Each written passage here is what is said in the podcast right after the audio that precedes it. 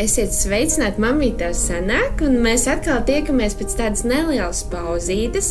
Un kā jau jūs redzat, man studijā ļoti īpaši viesi, un eh, šoreiz mamītā sanāk ir eh, tēva sērija, kurā mēs runāsim par ļoti, ļoti svarīgu un nopietnu tēmu, un tā ir tēva loma. Un man bija prieks uh, redzēt, ka daudz jautājumu pacēlās, kad es uzdevu jautājumu savā Instagram profilā par tēmām, kas būtu aktuāls. Tad, tur pacēlās mammas un tēva arī prasīja par tēva lomu, ka mēs gribam gribam vairāk informācijas un vairāk pieredžu stāstu. Un tāpēc man ir milzīgs prieks, ka mums šodien studijā ir Normans Lemantovičs, kurš ir četru bērnu tētis. Un, uh, viņam ir pieredze, un es gribētu teikt, ka tev kā tētim noteikti ir sanācis. Un, uh, tāpēc ir prieks, ka tu esi šeit. Un es varbūt gribētu palūgt, kad es arī tu iepazīstinātu ar savu tēti. Jā, nu, es vispār nezinu, no kura gala es sāku raksturot cilvēku, kas ir ietekmējis man liekas, manu dzīvi visvairāk. Sākot no, no pavisam praktiskām mazām lietiņām, kā augt bērnam, kā praktiski dzīvot šajā pasaulē, līdz tam, kad ielicis vislielākās vērtības un, un ticību dievam, un kas bijis mans dzīves, man liekas, lielākais skolotājs, noteikti tas ir mans tētis. Un, uh, var, varbūt kad, uh, arī tajā sarunā vairāk es paskaidrošu, bet uh, nu, kad varbūt liekas, ka ne tik daudz viņš ir pavadījis to laiku, cik ļoti kvalitatīvs mm. ir bijis tas laiks kopā. Un, un varbūt tie mazi brītiņi, tie mazie vakari, bet tie ir devuši ļoti daudz. Super. Tā mēs noteikti vēl pieskarsimies. Mm. Normāli, varbūt tu vari pastāstīt mazliet par savu meitiņu. Jā. Ester ir viena no maniem četriem bērniem. Mm -hmm. Vispirms es gribu teikt, man ar bērniem ir paveicies. Wow, Tā ir atbilde visam, kāpēc man ir izdevies. Jā, Jā un ar Esteru arī man ir, protams, paveicies. Mm -hmm. un tā ir, nu, jā, katra meita ir savā laikā un savādāk, ja par meitām runā. Vēl ir dēls man viens. Jā. Bet uh, Esteri ir savā laikā un ar tādu savu īpatnību un, un ar savu pieķeršanos. Gan man, gan mans sirds pieķērusies viņai ir sevišķā veidā. Mm -hmm. Ar citām meitām ir savādāk. Bet mm -hmm. tas nenozīmē, ka sliktāk. Jā, Jo viņu raksturi ir tomēr tik atšķirīgi, mm -hmm. ka Mhm. vienā ģimenē var būt trīs meitas, un kat, katra ir, liekas, nu, manā skatījumā, pilnīgi atšķirīga. Mm -hmm, super. Normāli, varbūt tad uh, bišķiņi mēs varētu pieskarties tam, kāda bija tava bērnība, kā tu uzaugi. Pavisam nedaudz. Es īstenībā sapratu, tagad sākot raidījumu, ka es pat nezinu, kādas ir bijušas tavas attiecības ar tavu tēvu, vai tev bija tāds stiprs piemērs, vai nebija. Un, jo tas jau ļoti noteikti ietekmē to, kā mēs uzsākam savu, savu ģimeni un esam tēvi. Jā, nu, to stāstu var padarīt diezgan garu īstenībā? Bet es necentīšos ļoti plaši stāstīt. Bet, zini, no bērnības, kā lai pasakā, es esmu pamanījis, ka katra jauna ģimene, kas izveidojās, viņai, protams, ir tādas cerības par Mhm. nākotni un tādas, nu, jāsaka, reizēm ilūzijas. Mhm. Jo kāpēc ilūzijas? Tomēr bez dieva un ar dievu veidot ģimeni, protams, ir atšķirīgi. Šodien tā nav tā galvenā tēma, bet Jā. Tas ir tas, ko es redzēju savā ģimenē. No tādas agras, agras bērnības mans tēvs un mamma likās tāda. Nu, ro- Rožaina, skaista kaut kāda bērnība. Es atceros tādas mm. epizodes, tur, kad viņi kopā bija un es tur maziņš kaut kur esmu pa vidu. Man brālis ir piecus gadus jaunāks. Un līdz ar to viņš ienāca vēlāk. Mm -hmm. Mēs divi brāļi bijām. Jā. Bet tas sākums bija tāds varbūt cerīgs. Bet to es varu redzēt skaidri, ka bez dieva īrst visas lietas. Un vēlāk jau tas tā arī bija, ka attiecības man tēva un mātes attiecības nu, mainījās krasu uz slikto pusi. Tad tie bija jau, jau konflikti, strīdi, līdz beidzot jau, jau faktiski manos desmit gadu vecumā manu vecāku ģimene ir ārā. Bet tāpat laikā man nebija tas piedzīvojums, kad es tā kā nu, nevarēju piedot kaut ko. Nu, bija tādas siltas atmiņas, un, un tēvs pat būdams, es teiktu, nu, bez dieva, kas, kur, protams, lai kaut ko labu izdarītu, gandrīz ir neiespējami. Manā atmiņā, vai ne, viņš jau faktiski, man bija 12 gadi, kad viņš gāja bojā autoavārijā. Wow. Bet uh, manā atmiņā viņš palika kā tāds nu, varonīgs vīrs. Mm -hmm. Mēs būvējām tur savu privātu māju, kad es biju maziņš, atceros, un, un viņa tā visa darbu, darbošanās, vai ne, kas bija, man labas atmiņas palika. Mm -hmm. Viņš bija tāds cīnītājs par mani, par saviem dēliem. Un, un, tā kā es neko nevaru teikt sliktu par to. Mm -hmm. Un redzot to, kāds posts ir bez dieva dzīvot, cik daudz vēlams ārda ģimenes, tā mm -hmm. gan ir kaut kāda atmiņa man, no manas bērnības, vai ne, kurai nav tādas pozitīvas vai nevar mm. būt tādas nu, ietekmes uz mani, un arī, protams, tajās atmiņās ir kaut kas sāpīgs. Jā. Mm -hmm. Skaidrs, mm. wow. Nu, tas satiec uh, Inetu, ja jūs izveidojat ģimeni un piedzimst pirmais bērniņš. Un tava liecība, es zinu, ka jau diezgan um, vēlams arī centās izpostīt jūsu ģimeni un tavu dzīvi, un tur bija arī alkohola kaut kāda piesmuka. Ja? Un vienkārši man inter... es gribētu dzirdēt, kādas ir, kad uh, Dievs ienāk uh, tavā dzīvē, ja? Kā mainās, piemēram, tavs kā vīra skatījums, tavs kā tēva skatījums? Uh, jā, ja tu varētu padalīties. E, tad es teiktu par savu ģimeni, jā, ko es izveidoju mm -hmm. ar Inetu. Tad manā ģimenē vēlams vēl ātrāk to visu sāk darīt. Wow. Kā es redzēju savā vecāku ģimenē. Tas uzņēma tikai apgrieziens. Tas bija viennozīmīgs ceļš uz postu, vai ne? Un kā es tajā liecībā saku, un vispār es varu atkal teikt, ka e, burtiski tikko sākusies ģimene, un mums ir piedzimis pirmais bērniņš, Sigita. Faktiski mm. viņi jūg ārā, viņi, viņi, mēs nespējam vienkārši pastāvēt. Mēs, mēs skaidri saprotam, ka nu, nākotnes nav. Mm -hmm. Un, jā, un dzirdot evaņģēliju, un dzirdot to, ka pat nevarētu teikt, ka uzreiz es sapratu skaidri, kur ir atbilde vai ne, bet es pievērsos Dievam kopā ar Inetu vai ne. Un sākās šis glābšanas ceļš, un tas tiešām tik radikāli manu dzīvi mainīja, mainīja mani kā personību. Varbūt es nezinu, vai to ārēji varēja redzēt, bet sirdī es sapratu, es esmu cits cilvēks. Piedzīvojot brīvību no alkohola važām, vai ne, kad es tapu brīvs, nikotīns, viss pārējais mm. atkrita manā dzīvē. Un arī gan tā attieksme, gan skats uz lietām mums jau jā, bija pirmā meitiņa Sigita. Un viena, ko es pirmo saņēmu, var teikt, par saviem bērniem, no Dieva, ko es sapratu, viņi man ir uz laiku, un es esmu atbildīgs par to, kāda viņi būs, kad viņi izies savā dzīvē.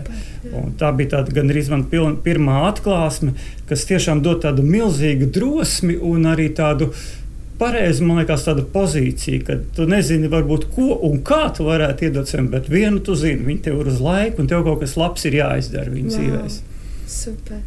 Labi, mm. Esterīte, um, tad mēs varam pieskarties tā, tev, tavai bērnībai. Kādu tu raksturot savu bērnību? nu, jā, vispirms es teikšu, ka es piedzimu jau ģimenē, kur jau bija atgriezusies, kas mm -hmm. principā tikko bija atgriezusies, un jā. es jau piedzimu ģimenē, kas bija glābta, kurā jau bija īsta atmosfēra.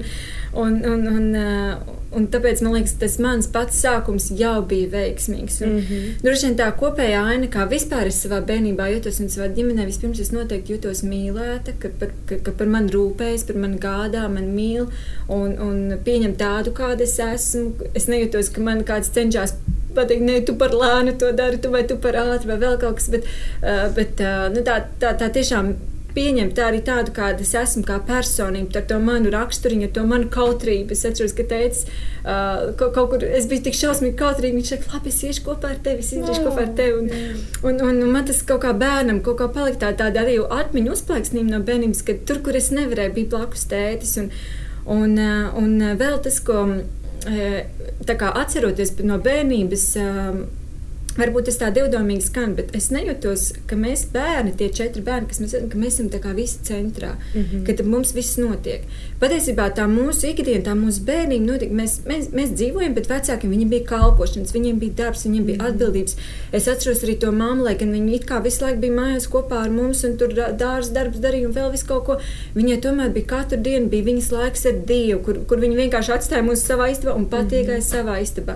Uh, es atceros, ka viņai bija viņas mazās grupas, tā, tās meitenes un, un, un tās sievietes, par kurām viņa lūdza un ticēja mm un cīnījās. Un, un, um, es kaut kā atceros to, ka tas viss negrozījās ap mums. Mēs bijām daļa tajā visā iekšā.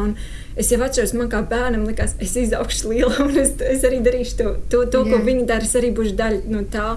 Un arī tad, kad mēs atbraucām uz draugu, tas nebija tā, kur nu, tikai kā mēs apčipināsim savus mm -hmm. bērniņus, kā mēs izklaidēsim bērniņus, kā, lai tik viņi apģērbjās vislabāk vai vēl kaut kas. Nē, bija kalpošanas, mm. bija lietas. Un, un, un, um, Es atceros, bija laiks mums bērnam, ka mēs paši cīnījāmies par to, kā tikt uz draugu, wow. lai būtu tā mašīna, lai viņi svētdienā iet. Yeah. Bet, bet tas nebija jautājums tikai par kā mēs aizbrauksim mēs, tas bija jautājums mm -hmm. par to, kā mēs visus tos siguldieši, kas mums tur ir 15 cilvēks, kā mēs viņus dabūsim uz draugu. -hmm.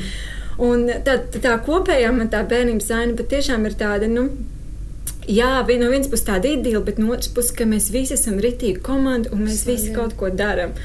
Nu, jā, Tā. Super. Es ar, tas, mm. ir, tas jau daudz mammas man arī ir rakstījuši, ka es gribētu būt tāda mamīte, kas varētu tikai saviem bērniem nu, mm. koncentrēties, bet man jāstrādā, mums ir jāpelnā nav no finanses, un, un tu jūties. Bet patiesībā tas, ko tu jau teici par tēti, par to kvalitatīvo mm. laiku, mm -hmm. un tieši mm -hmm. tāpat arī bija man. Varbūt man mamma bija draudzē darbā, bet tikko es biju klāt, man vajadzēja palīdzību, viņi to sniedz un ļoti kvalitatīvi. Un man liekas, ka tas ir super, ka jūs tikāt iekļauti jau kalpošanā iedziļināja jau visā tajā iekšā jau no mazām jā, dienām. Jā. Norman, tu jau padalījies, ka tev atnāca tā atklāsme par to, ka tev bērni ir uz īsu laiku, un tu noteikti ietekmē viņus. Un, un no tevis ir arī atkarīgs, kādi viņi būs pēc tam e, kā personības un, un, un cilvēki. Bet kas varbūt būtu tagad, skatoties, kas bija tas svarīgākais, ko tu gribēji nodot, ielikt viņos, lai viņos paliek, lai viņi to nes? Nu, laikam jau tādus punktus tajā brīdī, tu nesaproti, ko mm -hmm. tu ieliksi viņos. Yeah. Viens jau nebija skaidrs, vai ne? Es pats biju piedzīvojis Dievu. Jāsaka, tā nesen salīdzinoši, un te bērni pēc kārtas viss ir. Un tas man liekas, dega manā sirdī visvairāk. Es sapratu, ka es esmu laimīgs, tāpēc ka tas ir tas, kas man ir izmainījis manu dzīvi ka tas nav vienkārši tāds, nu, tā tāds nācis līdzi no bērnības mantojums, un tu vērtē vai nevērtē, cik tas ir labi vai nav labi. Man tas bija viss likās. Un tāpēc tas man bija svarīgākais, ko es gribēju, lai, lai mani bērni piedzīvo Dievu bērnībā, cik vien ātri viņi to var. Es to nevaru, protams, radīt mm -hmm. viņu vietā, bet veicināt visādos veidos, vai ne? Tas, tas man bija svarīgākais.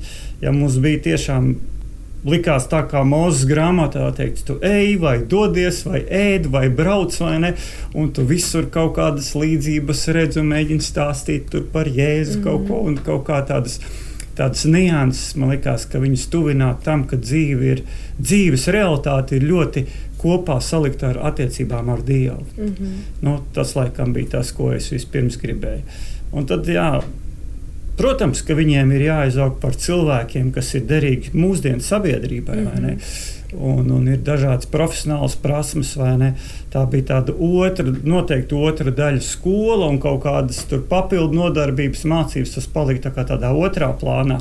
Es varbūt biju tas teicis, kas izskatījās ne sevišķi nopietns. Es kādreiz teicu, man nav svarīgi, kādas atzīmes jums ir skolā. Man ir svarīgi, lai jūs domājat līdzi mm -hmm. tam, ko jūs darat un kā jūs lēmumus pieņemat. Un paņemat no skolas to, kas jums ir vajadzīgs, tās zināšanas.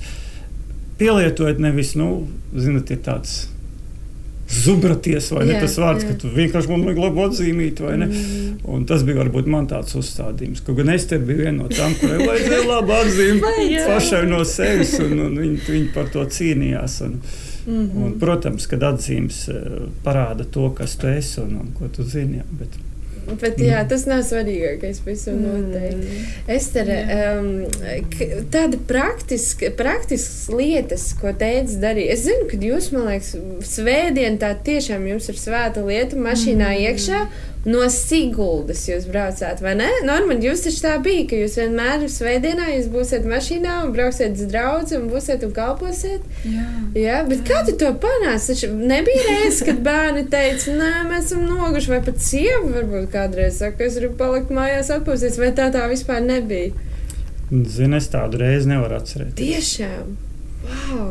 Drīzāk, varbūt pretēji bija kādreiz tur kaut kas, kaut ko, ja tiešām nav ar ko braukt un kā, un ja tu tur vietas nav, tad varētu vēl domāt, kurš nu paliks mājās, bet neviens negrib neviens palikt. Tā kā tas, tas bija tāds uh, izaicinājums drīzāk kā nodrošināt, lai viss būtu. Bet tas taču bija kaut kā ielikts iekšā, vai ne? Jo es zinu, ļoti daudz ģimenes arī man jau dēliņš kādreiz saka, mamma, es negribu, man ir garlaicīgi, vai ne? Un es saku, kamēr mēs esam, mēs tu esi zem mani jumta mūsu mājās, mēs iesim vienmēr uz draudzi, mm. bet, bet kā, es arī, kā tu, kā tu atceries, kāpēc tu vienmēr gribēji braukt uz draudzi? Nē, nu, droši vien jau tā rutīna izveidojās, ka vispār nav tādas alternatīvas. Mm -hmm. un, un tad, kad tev ir tavs nedēļas ritmiņš, jums kā, patiesībā jau bērni vispār ir tādi rutīnas cilvēki, vai mm -hmm. ne? Ka mhm. viņam tomēr režīms un, un tas tā kārtība, ka tu zini, tu sestdienā darīsi to, svētdienā to. Un tas tā kā tāda drošības sajūta rada, bet arī no, no otras puses tas, ka Tā ir mūsu ģimenes kārtība, un vispār nav vispār alternatīvas. Jā. Es atceros, ka es jau mācījos kaut kādā trešajā klasītē, man uzaicināja uz klases biedrenes dzimšanas dienu. Iepriekšējā gadā viņas svinēja sestdienā, bet šajā gadā viņa grib svinēt svētdienā. Un man iedod to ielūgumu, un es, man pat nav, es pat zinu, jā. es pat nejautāšu vecākiem, es drīkst iet, es saku viņiem, bet paklaut tā ir svētdiena. Svētdienā nevar. Jā. Un, uh, nu, man vispār nebija kā bērnam tāda alternatīva. Un tad jau, kad pienāca kaut kāda pusauģa atzīmes, kad ir tāds lūziens, ka, tur, nu, tad, kad tas mm. pusaudzis, tas bērns pats kā jau sāk pieņemt lēmumus. Arī tad man vispār nebija tāda alternatīva. Patiesībā es jau biju iesaistījusies kalpošanās, un man, nu, es tā zināju, tā ir mana vieta. Tā jā. nebija vecāka. Ja? Un, un uh, tad viens jautājums ir par svētdienām, bet ir cits jautājums, kad draudzē notiek konferences un vēl kaut kas, un mm. parasti tad daļa vecāka saka, ah, bet paklā bērniem saulēns laiks, viņi taču visu jā. nedēļu jau ir bijuši tur. Un, Nu, mūsu gadījumā arī tā vispār nepaklauja. Jo draudzē ir pasaules, mēs esam pirmie, pirmie rindā, un mēs atbalstam jā. to, ko dara draugi. Arī tās bija gaveņu lūkšanas, un, un, protams, mēs droši vien, ka gaveņu lūkšanās čīkstējām par to, cik ļoti kurkst vēders un kā gribas mājās. Un, Bet es jau kā bērns atceros, ka tur gaveņa lūkšanās, ah, jau viss tik garlaicīgi, bet saprotu, ne, es saņemšos, es teicu, 5 minūtes palūkšu, un es tajās 5 minūtēs kā bērns saņēmu no Dieva, es piedzīvoju Dievu. Un, Nu, kā, man liekas, ka tā čīkstēšana tas vispār nav kritērijs, lai ņemtu, mm. lai brauktu vai nebrauktu. Nē, mēs vienkārši to darām, un, un tas tā ir. Jā. Mm. Super, jā. un par tām praktiskajām lietām. Par tām praktiskajām lietām, atceries, jā, man jā. ir īstenībā, es tā domāju, lai es nākot uz raidījumu, bet tiešām nu, neaizmirst kaut ko būtisku, es pierakstīju. Super. Un mēģināju pierakstīt ap, kaut kādu apaļu ciparu, es pierakstīju desmit lietas, bet es saprotu, droši, droši vien tu neesi pierakstījis vēl to un to un to. Bet uh, sākšu jau ar to, ka. Um, Noteikti, kad uh, manā atmiņā palicis viena no tām vispraktiskākajām lietām tas, ka tēvs mums ļāva iesaistīties mums bērniem dažādos kaut kādos projektiņos, mēs to saucam. Viss sākās ar malku šķūnīti, tad ar siltumnīcu, tad ar, tad ar kūts pārbūvēšanu par pirtu. Kaut, nu tā, jā, tie bija darbiņi, varbūt celtniecības, tas bija tas, ko tēvs prata darīt, mm. un viņš arī kaut kā mums to nodeva.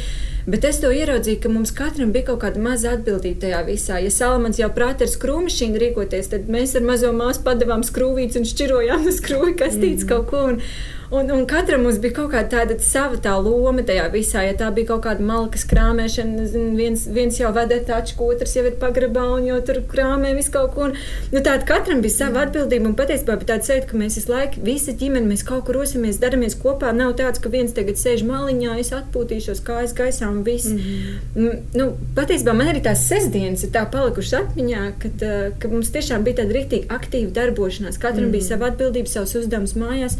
Un, un mēs to vienkārši darījām. Piedod, es tikai gribu pajautāt, Normandam, tu biji tā kā mājās visu laiku, jo, nu, es vienkārši. Sestdien. Jā, nē, es gribu, lai tieks, jo, kāpēc es to jautājumu uzdevu, tāpēc, ka tēvi dažreiz varbūt viņiem var palīdzēt ieraudzīt. Mm. Oh, es taču, kad es taisu no Ikea skapi, ja, Vadislavs savu cēlijot, un man liekas tik superīgi, mm. jo kāds tās varbūt iedomājas, nu, protams, kā ātrāk un labāk un vieglāk ir salikt pašam, vai ne?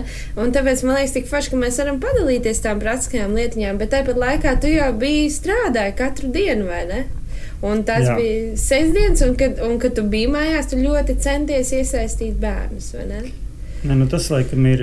Es esmu tā uzstādījis sev, sapratis ģimenei es nevis nolieku augstu latiņu, vai ne? Tas nozīmē, ka tu noliec augstu latiņu kaut kādās lietās, tad tu vari izdarīt vienmēr vislabāk. Mm -hmm.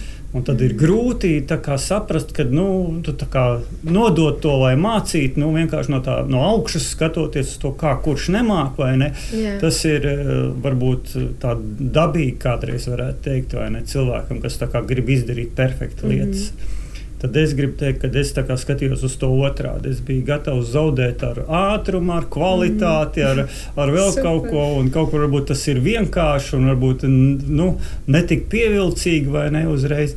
Bet, uh, man tā likās, ka tas ir ļoti patīkami, kad, kad bērni sajūtās piederīgi tam, mm. ka viņi ar tur kaut ko ir mm. darījuši, ka viņi var darīt. Un, un ka tā ir viņu kaut kāda daļa par to. Mm -hmm. nu, tā, Super. tas noteikti ir. Jā, bet svarīgi. vispār šīs praktiskās lietas viņas tik ļoti nu, norūda dzīvē, mm. sagatavo darba dzīvē un vēl visu kaut kam tas ir baigi superīgi. Bet vēl tā, tā vēl viena lieta, ko, ko teica iemācītāja, tā otrā kas man vispār, man uzreiz, kā es iedomājos, bet teikt, man uzreiz šī lieta izmanāts, ka tēvs iemācīja pareizas attiecības ar naudu. Wow. Uh, un, un tas, ka viens ir, kad, kad tu saņem to savu nedēļas naudu, atceros, bija laiks, kad saņem divi lati nedēļas naudu. Man vajadzēja aizbraukt no skolas uz mākslas skolu ar autobusu, samaksāt tajā laikā vēl kaut kādu pusdienas vai kaut kas mm -hmm. tur kaut kas bija. Un, man, un, un vēl no tā ir svarīgi, ka mēs vispirms, protams, noliekam to desmito. Un sanāk, es tur skaitītājs, kāpēc viņi, bet vēl man bija svarīgi, man jau kā bērnam, kad es gribu arī no tiem saviem diviem latiņiem vēl iekrāt kaut ko bišķi. Wow. Un tas ir viena lieta, ko teica iemācīja, ka tā ir, ka tu ietaupi, ka tu kaut ko iekrāji bišķiņ, ka tu neizšķērdē visu vai, vai, vai, vai, vai, vai nedēļas vidū saka, paklau, man nav, iedod man vēl, jā. Vai, un nākamā lieta, ko teica vienmēr, ka tu māci savu naudu kaut kur ieguldīt jau kaut kādās mazās lietiņās. Mm -hmm. un, un, ka tu nopirksi to lietiņu, un iespējams tu radīsi no tās lietiņas kaut ko tādu. Tu var, nu, tur, tur jau tā salmana biznesa domas, man liekas, arī jau no mazām, mazām, mazām dienām ir kaut kur, kaut kur tajā sākušās. Bet vēl tā svarīgā lieta, kas, kas ir tikai, nu, ka tu ietaupi vai iekrāji, un tad tu kaut kur ieguldi, bet arī tas, ka teica, iemācīja ziedot to naudu un kaut kā tā brīvi attiekties mm -hmm. pret naudu vispār, ka mēs tai naudai nepieķeramies. Varbūt viņi kādreiz pazūd, varbūt tu esi kaut ko nopircis un nepareizi nopircis, labi, tu mācies no kļūdām. Mm. Bet, kad tu vispār nepieķeries tai naudai, kā tādai šausmīgam dārgumam, un kādreiz, kad nu, tev, tev vienkārši tāda brīva sirds par to naudu, un ka vispirms, protams, tu dod to dievam, tu uztici to dievam, bet mm. arī tas, ka tu nu, brīvi rīkoties ar to naudu. Un pats svarīgākais, ka tu esi draudzē, un ka tu esi draudzē, un ka tu nerīkojies tā sīksti, vai, piemēram, te kaut ko vajag nopirkt, tur, vai to bulciņu, un tu negribi to eiro tur samaksāt, un tev liekas, ka pat daudz. Un tad teica, saka, nē, nu tad es jums maksāšu divi eiro par to bulciņu. Drīzāk, drīzāk tā, ka, tu, ja tas ir draudzē, tad tu to dari no sirds. Ja tas ir pasaulē, jā, tad tur var prasīt atlaidi par kedām un vēl vispārējo. Un, un to es gan neesmu iemācījies. Paprasīt, atlaid, tas, tas ir tikai Salamana un tēta kompetence. Man liekas, to viņa darīja. Nu, kā... Jā, es gribu, lai tu nesteidzies tālāk, jā. jo, ja Normandam ir kāds komentārs, man liekas, jā. par šo naudas lietu, kur tev bija gudrība, vai tev kāds to mācīja, vai kā jau saka, jau, ka mēs latvieši ļoti lēnām esam iemācījušies sākt vispār domāt par, krā, nu, par krāju, mm. ka mums jāuzkrāj kāda naudiņa un vispār domāt gudri. Normāli. Kā, kā, kā tu saprati, ka nu, tu gribi? Finanses lieta noteikti ir manā skatījumā ļoti plaša arī. Mm -hmm. Tur ir daudz tādas šķautnes. Eh, viena gan, ko mēs eh, pats sapratām, mēs mācījāmies, ka mēs nekad neaizņemsimies. Wow. Mm -hmm. Vārds, mm -hmm. kredīts, līzings vai ne. Tās ir lietas, kas nav mums. Mm -hmm.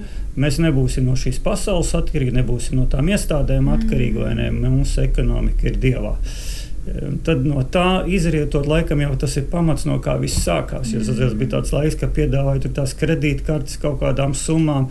Un man zvana no bankas, un es beigās saku, es saku, tad izsvītrojiet man vārdu no tiem sarakstiem, kur jūs piedāvājat, kad Jā. es nekad neko no jums nepaņemšu tādu. Mm. Ne? Un tas nenozīmē, ka mēs dzīvojam tādā nu, pārpilnībā, tādā šīs pasaules izpratnē. Mm -hmm. Bet es saku, ka Dieva priekšā mēs dzīvojam pārpilnībā. Mums pietika un palika pāri vienmēr labiem darbiem. Jā. Tas bija tāds ticības apliecinājums, pārliecība par to. Tad tu tā kā sāc praktizēt savā dzīvē tādas lietas. Es, es domāju, tas nu, es teiktu, no Dieva vārda, protams, mm -hmm. nākot draudzē, arī klausoties. Un, Un tas ir tas veids, kā es to iemācījos. Noteikti. Un, un man tas likās ļoti svarīgi. Es biju par to pārliecināts. Un arī centos saviem bērniem to iemācīt. Jā. Mm -hmm. Un tu tā apzināti devi to naudu, un tu runāji ar bērniem par to kabatas naudu. Ja? Man tiešām interesē, mm -hmm. jo mhm. naudas tēma ir arī ļoti, ļoti, ļoti akūta vajadzība, par ko jārunā daudz. Jā, nu vai ar katru personīgi tajā brīdī, kad es devu, vienmēr varbūt es nepateicu, bet tā šad un tad par tiem principiem es stāstīju, kad, mm -hmm. kad uh, Dievs pavēros jūs naudu mm -hmm. un, un, un kā pret naudu attiekties. Jā, kad, vārds krāšana varbūt eh, nu, tas ir tas, ko, tas praktiski izskatās, ka jā, mēs kaut ko jā. atstājam no tā, kas mums ir, nu, nolikdam, bet tas nav tā kā nevis tādām nebaltām dienām, jā. tas nav, tas nav, bet tas ir tas, kas tev radīs brīvību. Mm -hmm. Ka tajā brīdī, kad tev pēkšņi vajadzēs, tu nebūsi atkarīgs no kāda, kurš tev var iedot, vai, vai, vai atkarīgs, mm -hmm. tev būs kaut kāda apstākļa jāmaina, jo tev mhm. pietrūka. Tāpēc, ka tā nauda, kur tu būsi nolicis, tev radīs nākamo soli brīvībai kaut kādai finansēs. Un tā es to redzu, to ietaupījumu, nelielo vai to krāšanu, kas varbūt ir ļoti neliels, bet viņš tev mm rada to. Un tas ir ieradums vispirms. Mm. Ar mazām lietām tas ir ieradums, mm -hmm. un tas pie lielām lietām, pie lielām finansēm tev darīs tādu pašu. Tad tu būsi ļoti efektīvs un neatkarīgs arī vēlāk, kā pieaudzis savā rīcībā, mm -hmm. savā tādā ekonomiskā dzīvē. Negaidīsi algu kā glābšanas mm -hmm. dienu, pestīšanas dienu, ir algas diena. Tam tā nebūtu jābūt manā skatījumā. Mm -hmm. Algas diena tā ir. Tas ir atnāk pati, viņa, jau, viņa tev pieliek klāt pie tā, kas jau tev ir. Mm -hmm. Super. Es tur turpinu. Jā, jā. Bet, Norman, tiešām, ja tev ir ko pārtraukt, jo, jo man liekas, ļoti vērtīgi. Jā, ļoti vērtīgi. Bet jā, tā ir tā trešā lieta, kas jau patiesībā tāds turpinājums tām naudas lietām, ir ir, ir tas, ka jā, mēs nebijām ģimene, kas varbūt tā pasaule, no pasaules viedokļa skatoties, būtu baigi iztikuši, pārtikuši. Mums mm. bija drēbes, mēs pirkām paši humpaliņās, un, un, un patiesībā mēs viņus uzfrišinājām. Es, kad iemācījos jau šūt, man pašai tas ļoti patika. Es varēju kaut kā tā. Un patiesībā mums arī ar vienkāršu mašīnu mēs braucām vēl kaut kur, un tad, kad varbūt mēs ieraudzījām, ka kaimiņi uzbliež trīs gados tādu pasaku pili un, un, un, un braukā ar džipiem, un mēs paliekam turpat. Kaut kādā brīdī sākās tāda, man liekas, čīkstēšana pret tevi. Nu, paklau, mēs vēl ar vienu esam turpat, kur esam, un, un te esat pagaidiet, pagaidiet. Un mēs tiešām ejam solīt pa solītim, un tiešām tas bija tas, tas burbulis, tas krīzes burbulis, ka mēs ieraudzījām, kā pēkšņi mm. vienkārši tā sapņu pils arī tur sagrūst tajā, tajā visā, un ka cilvēkiem vajag daudzus gadus, lai viņi vispār atgūtos no tā. Bet, eh, bet tas ir cits stāsts, bet runājot par to par to, kā mēs vispār tās lietas dabūjām un, un saņēmām. Protams, ka mums kā bērniem bija kaut kas, ko mēs ļoti gribējām. Un, un, um, un nebija tā, ka teica, vienkārši nav naudas. Vien, vienkārši mēs tagad to nepērkam. Tas bija kaut kā jau no mazām dienām, kad mēs iemācījāmies ticēt, lūgt un saņemt. Mums bija tāds mūsu ik sestdienas lūkšana reizes, kad mēs sanākam kopā. Mums bija tas mūsu vajadzību saraksts. Un es, e, e, nu, Tētim droši vien tas bija kaut kāds pa pamatīgāks saraksts, ko viņš saprata, ka mm. mums vajag motoru mašīnai, lai viņi iet un vēl kaut ko. Man mums bija, es gribu tur galda lampiņu tādu, vai es, es gribu tur tādu. Nu, tie sīkumiņi, kas bērnam mm. bija svarīgi, bet tie mums bija, tie bija mūsu sīkumiņi, par kuriem mēs lūdzām, nācām Dievu priekšā un ticējām, un mēs reāli tie patiešām tur izsaņēmām. Un jau tad, kad es atceros, nu, jau tādu pusauģu meiteni, kas mācījās skolā, man, nu, man, man vienkārši skolā vajadzēja datoru, personīgā datoru. Un varbūt nebija tā, ka mēs vienkārši varējām iet, un tagad mēs nopērkam kādu gribam. Arī tā bija lieta, par ko mums vajadzēja ticēt un lūgt. Un bija laiks, kad mēs ģimenē visi uz, uz tā viena datora sēdējām, jo, jo vajadzēja mm -hmm. skolai kaut ko darīt. Un pēc tam es vienkārši ieraudzīju pats, mēs lūdzām par to datoru, mēs viņu saņēmām brālim datoru. Tur, tur vēl kaut Jā. kādas lietas, un ka tās lietas vienkārši lūdzot un ticot, atnāca mūsu ģimenē, ka mēs bija laiks, ka mēs lūdzām un drebējām par to vienu mašīnu, bet mēs ticējām, mm. ka viņi iet un viņi tiešām gāja. Un tagad ir laiks, kad es jau gāju prom no ģimenes, kad es nu, apprecējos, es sapratu, pats mums ir katram sava mašīna. Mm. nu, labi, darba mašīna vēl kaut kāda, bet nu, ir pienācis laiks, ka Jā. tiešām, kad Dievs svētī, viņš svētī tā, ka. Nu, nu, tiešām ir svētīts. Un, un, un to es savā ģimenē tā piedzīvoju. Tie bija apavi, apavi skolē vai vēl kaut kas vajadzīgs. Mēs vienkārši ticam un mēs saņemam, un kāds atdod, vai ir baigi labā atlaid vēl kaut kas, un tie tiešām paver iespējas. Un, Un, un, un, un, un vēl īstenībā, ko mēs vēl ticam, tas, tas bija par dziedināšanu. Mm. Kad, uh, nu, tas, protams, man tur rītīgi mammai, mammai būtu jārunā par to, jo viņa, man liekas, tajā bija spečīgs. Viņa teica, lai nu ko es esmu iemācījusies, bet tad, kad dziedināšanu mēs tiešām saņemam. Un, un kādreiz, kad tu nesaproti, kas tā ir pa slimību mm. un kaut kāda diagnoze vai vēl kaut kas, un tu vienkārši tam nostājies mm. pretī un tu saņem dziedināšanu. Mm. Tas bija gan praktiski, gan par to dziedināšanu. Es gribu pieskarties. Jā. Arī Normāna komentāri noteikti man patīk, ka tu pateici, teici, neteici, mums tur nav naudas, Jā. vai kā jau man ļoti arī es kaut kur dzirdu to. Man liekas, ka mēs varam iedot saviem bērniem tādu nu, tik nabadzīgu mm. domāšanu. Mēs nevaram atļauties, mums nav naudas, bet gala galā sestdienās mēs tiekamies uz, uz vajadzību arī lūkšanā, mm. vai ne? Mm. Jo man liekas, ka mūsdienās mēs esam tik ļoti vakar man pateici, šodien reku lūdzu bērniņu, tava lampa, ja ko tu gribēji, un kad mēs noņemam īstenībā saviem bērniem to to brīnumu, jā. to, to lūkšanas jā. spēku. Jo jā, mums liekas, ka eh, varbūt kāds jūtas vainīgs un atpērkās jā, arī ar mantām, mm. bet ir tik svarīgi, ka mēs iemācām bērniem to lūdzu Dievam, viņš tev atbild. Mm -hmm. Normāli, varbūt tas komentārs šajā. Jā.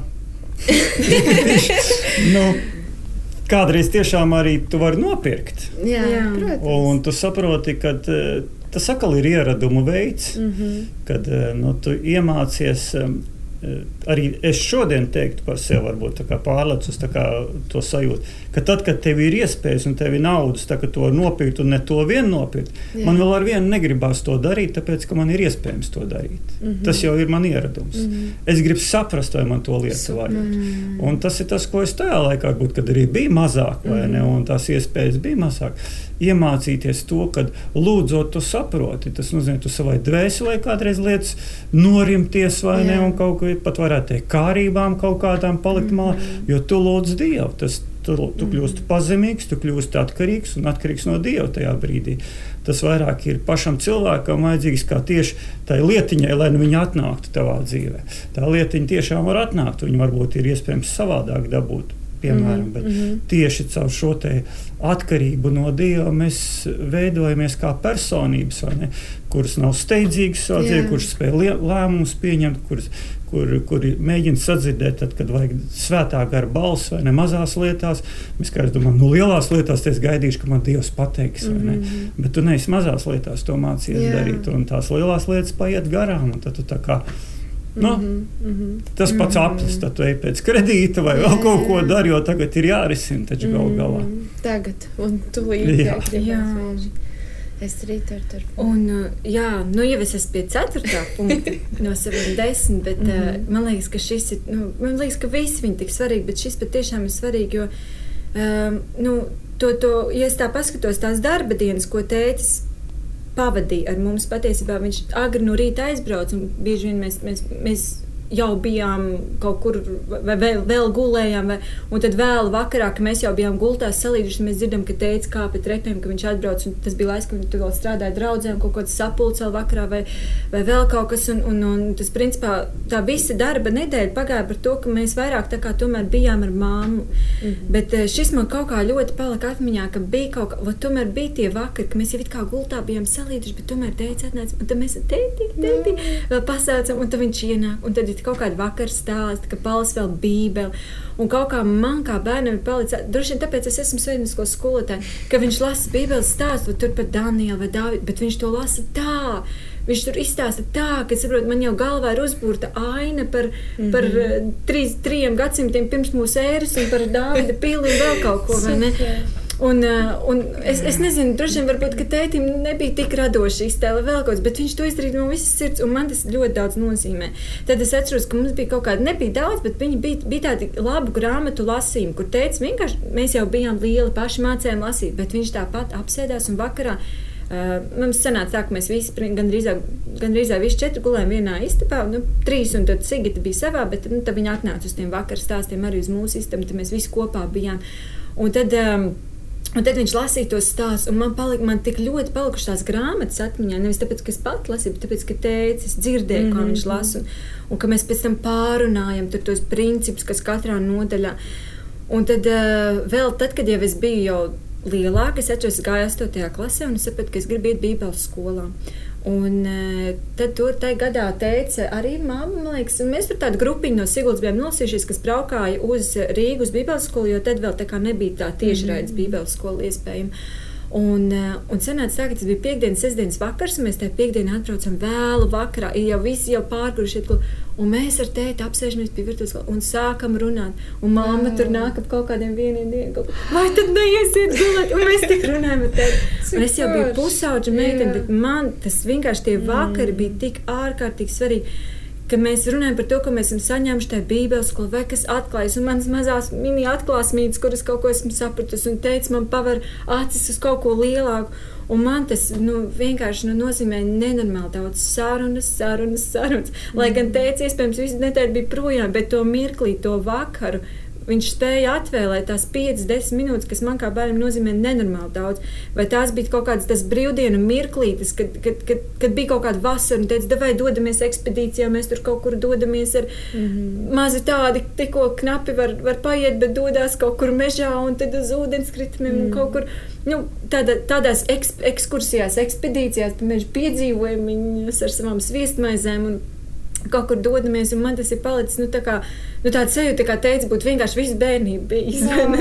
Un, nu, es klausos, jā. domāju, Normans jau noteikti arī pa tām kāpnēm iet augšā. Tu esi nogurs. Nu, tu taču arī esi cilvēks, vai ne? Tu esi nogurs un gribētos iemesties mm. gultā, bet nē, tu iesi ar bērniem. Un es domāju, šodien tu šeit sēdi un tu domā, nu, pat slavu Dievu, ka tajā, tajā laikā man bija gudrība, es runāju. Es domāju, bieži taču gribējās. Domāju, ah, Viņa vēl negribētu iemūt gultā. Viss normāli. Kā Jā. tas ir? Es domāju, daudz tēvu liekas, nu, es taču esmu noguris vakarā. Nu, es te jau minēju par to, ka tas laiks varbūt nebija daudz. daudz Jā. Bet censties kvalitatīvi. Es tā pie sevis domāju arī par to, ka patiesībā nu, tas skanēs varbūt ļoti tā, nu, skarbi tajā ziņā, ka tā gluži nav. Ka tētim tomēr jābūt kā tādam. Nu, ne, nepareizi būs, ja tieši, tieši tā jūs sapratīsiet, kāds ir tādam ekstrā gadījumam bērnu dzīvē. Mm -hmm. Jo es domāju, ar debesu tēvu arī mēs sakām, ka viņš mums ir viens lūkšanas attēls un šis laiks ir ar mums. Tas tā ir. Yeah. Bet e, novērtējiet to laiku, kad Dievs runā uz jums. Yeah. Nav katreiz, katrā lūkšanā tu paver muti, tu kaut ko mm -hmm. sāc runāt, tu kaut ko tā, tā, un Dievs jau tevi vada un runā mm -hmm. skaidri. Ne? Tās ir tādas lietas, kas ir milzīga vērtība. Yeah. Un kaut kur tiem bērniem, nu, Tas nenozīmē, ka tu tā kā attaisnojies ar to un nevari nepārlaikt. bet tomēr radi tādu nedaudz jā. iespaidu. Ne? Jā, tas nav super. ar tādu, nu, tādu bargumu, ar tādu mm, mm, respektu, tas taču ir galvenais. Ne? Bet tomēr tad, tas var rasties, ka tu pats priekš sevis saproti, ka tagad es to darīšu īsi un mēģināšu kvalitatīvi izdarīt. Tu viņam arī radi tās, tās tādu iespaidu mazliet. Un tas arī ir domāju, tas, kas ir vajadzīgs ļoti. Tad tu nekļūsti par nu, tādu tēti, kurš sev pārmet visu laiku. Mm -hmm. Mēs tik maz laika viņiem veltam. Tad, tad ir otrs tāds grāsnē, ka tu gandrīz par draugu tam bērnam visu to ar viņu, un te, te to ar viņu, un tur to ar viņu. Mm -hmm. Viņš spēr solīti kaut kur viņš paklops, un ja tu viņu nenoķers, tad tu biji sliktais tētis. Un, mm -hmm. un vēl kaut kā, yeah. nekad tam tā nebūtu jābūt īsti. Ne? Nu, jā. Runājot par to. Bet, zin, tas bija labi. Es biju Rīgā un es braucu mm -hmm. uz Siguldu. Tu jau mašīnā braucot līdz Siguldai, šo to padomā, tu vari vienkārši pajautāt savā sirdī. Kā nezinu, maniem bērniem ir gājis, kas būtu svarīgs šodien. Un, un ir lietas, mm -hmm. ko mhm. tev arī svētais gars iedod. Tu kā brauc mājā un es lielā mērā gatavs kaut kā mainīt. Mm -hmm. Un tad tu kā, jau savā sirdī sajūti, ka Man vajadzētu šovakar to un to meitu pateikt. Man liekas, ka viņai grūti diena bijusi skolā. Oh, kaut kā pieiet pie viņas. Un, man liekas, nezinot, vai ne Dievs tev palīdz, tu kaut ko tur pasaki, vienu otru teikumu, un tas ir forši, un tu pats jūti, ka trāpīja. Mm -hmm. un, un, un, un, tam bērnam ir, ir tas bijis vajadzīgs. Un tad ir tas no tā īsajiem tādiem posmiņiem, no maziem mirklīšiem, veidojās tāds laba kopā, tā varētu teikt. Super. Un patiesībā man jāpiemin, ka šitie brīži, es tagad uzzināju, kā, kā, kā tu to izdarīji. Tas tiešām ir ceļā, kamēr brauc Sigulda, jo es ļoti atceros, ka bija kaut kāda, tiešām tāda kaut kāda grūtāka diena vai kaut kāda, nu, situācija nu, kas bija tāda smaga, bet es atnāku mājās un es turos emocionāli, ka es tagad. Mm, mm. Mm -hmm. un, tad, un tad atbrauc tētis, jā. un viņš tā burtiski pienāk, un viņš jā. pajautā to jautājumu, un, viss, un man asaras gāžās, jā, un es saprotu, es, viņš tieši trāpīja tā kā tai mazai vienai no simts nagliņām pa to, pa tieši pa to galvu, mm. un, un tieši pa to smago sfēru, kur šodien man likās, es izgāzos, un viss tur galīgi mm. briesmīgi, un liekas, es vispār negribu par to runāt, un, un protams, ka tā lieta, ko vajag izrunāt, un, un tagad es sapratu, jā, tēt, kā tu, tu, tu, tu, tu, viens to dabūja. Tiešām padomā par katru. Un tas, tas tomēr vajag nozīmē daudz. Bet, um, jā, tad, tad, tad tā vēl viena lietiņa, ko, um, ko, kas man jāsaka, kad uh, tēvs iemācīja, un vispār viņš ļoti pievērst tam uzmanību, lai mēs brāļi un māsas savā starpā mums ir pareizas attiecības. Nu, mēs nebijām no tiem, kas, kas, kas dzīvo saka, tāda ļoti draudzīga. Nē, mēs arī kādreiz pakāpāmies un strīdējāmies, un, un, un par nevarējām kaut ko sadalīt un vēl kaut kas. Un, Un, man liekas, tas ir pilnīgi neizbēgami katrā ģimenē. Mm. Lai gan kādreiz tu dzirdi, ka tiešām māsas ir tik superīgas, draudzenes dzīvojušas, un ka vispār nu, kāda ir problēma. Ja? Un mums gāja kādreiz nu, ļoti, vai ne? Visādi, bet, bet tas, tas, ko, tas, kas man vienkārši palicis, ka teica, bet jūs esat komanda. Un, un e, tā, mums kā bērniem kādreiz likās, ka, jā, bet paskatieties, tur tā draudzene, viņa foršā, kā viņa tur ģērbjas, kāda viņai māja, kā, un es varētu ar viņu būt tādas sirds draudzenes, bet šī māsa man vienkārši viņa vispār ārprāts. Ja? Un šito man teica gan iemācīja, ka ka neviens draugs tev nevar būt tuvāks, kamēr tu esi tam, nu, ka viņš tev nevar būt mīļāks par tavu māsu, par tavu brāli, ka tu sāc Jā. vienkārši nodot tās attiecības, lai iz, izveidot attiecības ar kādu svešo, kur, kur patiesībā tu neesi bijis ne viņa mājā, tu neesi redzējis Jā. viņa to netīro dzīvi, to, to kur mm -hmm. viņš ir mhm. bijis, varbūt nemāk izveidot attiecības, varbūt ar saviem brāļiem, māsām, Jā. bet jums skolā baigi forši sapas, vai ne? Un, um, Nu, tā bija tāda lieta, kas man palika, lai gan varbūt mēs ik pa laikam vēl parīvējamies un pastīvējamies, bet visu laiku skan tie tētvārdi, ka jūs esat tā komanda, jūs esat komanda, jums būs jāiet vēl kopā kalni, jākāš tie draugi nāks un ies, bet jūs mm -hmm. esat paliekat, vai ne, jūs esat tā komanda. Un, Un, jā, nu, tas tā, tā tīri varbūt teorētiski tas tā bija, bet tas, tas patiesībā arī praktiski tas bija, kad, mm. kā vispār tās attiecības veidot. Un, nu, jā, Super. Un, uh, Norma, tu ļāvi viņiem kārtīgi izstrīdēties, vai tomēr jūs centāties vienmēr iejaukties? E, nē, es domāju, ka vienmēr neiejaucāmies. Mm -hmm. Bija konflikti, kurus viņi izstrīdēja mm -hmm. paši un izrunāja. Un, un bija brīži, kad tu saproti, ir konfliktā un kad lietas atgriezties atpakaļ mm -hmm. pie tās māsas. Ar kur tu esi sastrīdies un, un izrunāt savā starpā, vai ne lietas, un, un mācīt vienam piedot, otram atkal uh, saprast, ka ir, ir, ir jākāp Jā. kaut kam pāri vai ne. Nu, Mm. Ļoti dažādi. Gan tie konflikti bija dažādi, Jā, gan tās protams. situācijas dažādas, bet, bet neatstāt to kā tādu pašplūstošu, mm kā pieņem mm par, pašu par sevi saprotamu. Nu, strīdās, strīdās, ko mm darīs. Mm -hmm. Bet mācīties risināt konfliktus, ne, tas, tas bija vajadzīgs. Jā. Jā.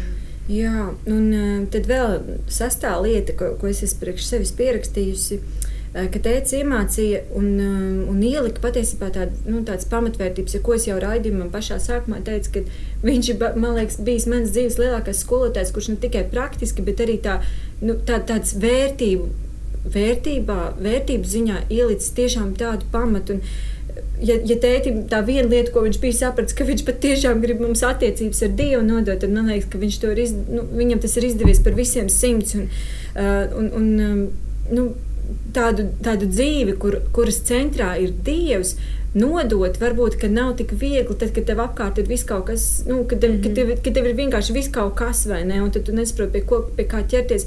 Bet, uh, kā tu te, teici, ka, tu, ka tad, kad tu, mēs esam tajā ikdienas dzīvē, situācijā, un tu atkal atsaucies uz to vārdu, atsaucies uz to, uz to kā, kā Jēzus, mm -hmm. un kā mēs attiecības ar Dievu varam iekļaut tajā savā ikdienā. Un, lai gan es nebiju no tiem, kas varbūt cītīgi katru dienu būtu lasījis to Bībeli, nu, tad, tad, tad, tur skolas laikā vai vēl kaut kur. Bet bija tie brīži, kas ir pats, man to pašai vajag. Un tad, kad tas klikšķis notiek, ka man to vajag, mm -hmm. tad man liekas, ir vērts cīnīties par katru to bērnu un par viņa attiecībām ar Dievu. Un, uh, un šitien man jāpiemina arī pie tiem sestdienas rītiem, uh, kas mums bija tādi tā ģimenes dievkalpojumi, kur mēs sanācām kopā nu, gandrīz katru sestdienu. Tieši ja rīt, mēs bijām, jā, rīt mēs pēdam rokas, un tad mēs dodamies uz lielu istabu, un tur mēs apsēžamies apkārt, un, un tur kaut kur mēs palasam Bībeli, tad mums ir tas lūkšanas laiks. Un šeit es ļoti labi atceros vienkārši tā kā Nu, tā kā man bija saucamās tās svētdienas skolas pareizās atbildes, ka teica, izlaiž tur rakstu vietu, mēs gribam pārunāt, un man ir, es zinu, tā sliktā lieta ir skatīties televizoru, un, un kaut ko es vēl tur teicu. Bet, nu, divas lietas man bija, un tad, tad bija viena katru sestdienu, es pa viņām teicu, kas, bet es, nu, es jau nemēnos, es tāpat to televizoru gribu pastīties, un tās mūtenes vēl kaut ko. Bet es atceros, man vienreiz teica, vai tu beigsi tam pareizajām atbildēm? Un es vienkārši aprāvos, jo es sapratu, ka manam tētim nav svarīgi, lai es vienkārši kaut ko pasaku. Viņam ir svarīgi tās sirds. Nu, kas notiek tavā sirdī? -hmm. nu, tu, tu vari teikt kaut kādas pareizās lietas, bet kas ir tavā sirdī? Un tas man liekas, ir tik svarīgi, ka tēvs vienkārši tā neatstāja to. Nu, nu, palasi Bībelī, palasījām, palūdām, viss izdarīts čeki. Ja? Nē, viņam patiešām ir svarīgi, kas ir tavā sirdī. Un kādreiz nu, tas tā bija šitā, vai ne? Bet, um, bet, bet tiešām tā sirds ir tajā, tajā tā, tā būtiskā. Super. Tev, tev ir ko piebilst? Jā, es domāju, es gribētu, lai tu, jā, kā jums atnāca tā ideja, ka mēs sestdienās tagad taisīsim tādu pasākumu, jo es domāju, daudz mēs vecāki īpaši, tie mazie bērni, mums liekas, nu, sestdienās tad uh, ieslēdzam multinītu, un mēs varam, nu, tas arī nav slikti, kaut kāds posms ir tāds, bet cik svarīgi ir tas, ka, jā, jūs mm. veltat to laiku kopā Dievam, jā, tā kā šūniņ, mājas šūniņ. Jā. jā. Es vairs nevarēšu laikam, atcerēties to sākumu, kā mēs to lēmumu pieņēmām. Nu jā, bet, uh, jā, Bet, mm -hmm. nu, jā, kaut kā mēs to iesākām. Tas likās, ka tas sestdienas rīts nav tāds, nu, nedēļa pagājis, mm -hmm. tur kaut kur noguruši visu un tā kā tādu relaks tādu, bet eh, kaut kā bija tāds sajūta, ka mēs tieši atguvāmies, jau atpūtāmies no šī laika. Un tad arī kaut ko iztrūkstošu pa nedēļu, ko neesam izdarījuši un lūguši un pārunājuši, varbūt mēs uz to sestdienas rītu. Jā. Mm. Mēģinājām nolikt, nu par tādu kaut ko tas izvērsās. Jā. Super. Vienkārši tik labi. Es, es, vienkārši, es esmu tik priecīga, ka šāda tā saruna ir aizgājusi, jo es jau redzu tik ļoti praktiski, ko es arī savā ģimenē mm. gribu pārņemt. Un, man liekas, varbūt eh, nu, Norma tas vienkārši fantastiski teica, bet šeit varbūt tiešām nu, nav tāda slavināšana, cik ļoti, kad lūdzu, lūdzu paņemiet, eh, paņemiet tās jā, idejas, tās ir praktiskas lietas, ne, ko mēs varam darīt savā ģimenē super. Tā ir tāda dieva gudrība. Jā. Un, uh, un tālāk, jau, tā kā, nu, tā, ja es minēju par tām, par, tām pamatvērtībām, kuru centrā ir Dievs, tad man liekas, tā mm -hmm. vēl viena lieta, ko teicis mūsos ielika, ka mēs kā bērni jutāmies pārliecināti par sevi. Mm -hmm. Lai gan, jā, varbūt man bija kaut kāda kompleksa, jau tur vasaras raibuma, vai tur par īsu, vai sigitai par garu, vai mm -hmm. katra, katram tā Katram sava lieta. Savs. Bet tā iekšējā pārliecība par to, ko mēs darām, ka, ka mums ir tā visu laiku tā aizmugures sajūta, ka kāds ir ar mums, kāds visu laiku mūs atbalsta, un tas vienmēr bija tētis, vai ne?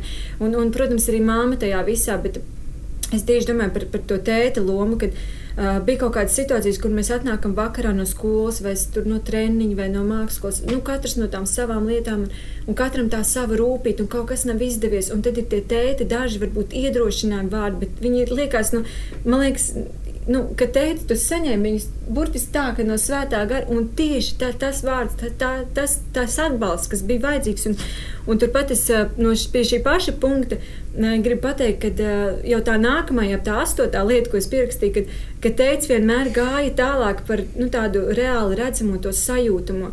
Nu, piemēram, par to floorbola spēlēšanu. Varbūt, ka tu neveiksmīgs esi un varbūt, ka var redzēt, ka tu nu, tur neesi pats ātrākais. Bet kaut kā teica, vienmēr spēj to pateikt, bet paklājot, tu neesi ātrākais, tev jābūt tādam viltīgākiem vai, vai vēl kaut kādam. Un beigās saprotu, Bācis Salamans ir viens no labākajiem savā komandā. Vai, eh, tas, tas par Salamanu, bet varbūt, kad manā gadījumā, eh, kad, kad tā sajūta, ka teicis fano par mani, bija brīdī, es gāju mākslas skolā, un es neteiktu, ka es biju labākā tur. Es mm. vienkārši biju mākslas skolā, man bija sava darba kaudzīte sakrājusies. Uh, un kaut kā teica, sajūta, ka viņam vajadzētu uztaisīt man darbu izstādi. Viņš darbu izstādi uztaisīja garāžu vietā, kur viņš pavadīs vairāk laika, kur ir, kur ir nu, tik Super. daudz uh, viņam svarīgas lietas. Viņš uztaisīja manu darbu izstādi. Mm. Un man liekas, tur tie darbi vēl ir vai nav? Bet, nu, Kaut kāds varbūt vēl ir. kāds varbūt vēl ir, bet es vēl pēc viņiem tur izbalējuši, izkaltuši vēl kaut kādu, bet viņi tur ir. Un, un, un man toreiz kā bērnam likās, ārpēc manu darbu izstādi un mm. izlikt garāžā. Tas vispār nav varbūt nekas būtisks, nekas svarīgs un mm. materiāli vispār nekā tas. Bet man kā bērnam tas Jā. nozīmē vispār kaut ko bāds teicis, novērtē manus darbus. Viņš nepasaka, nu tev vēl jāizaug līdz tur kādam, mm. ne? Viņš vēl šitie tā darbu liekam izstādē.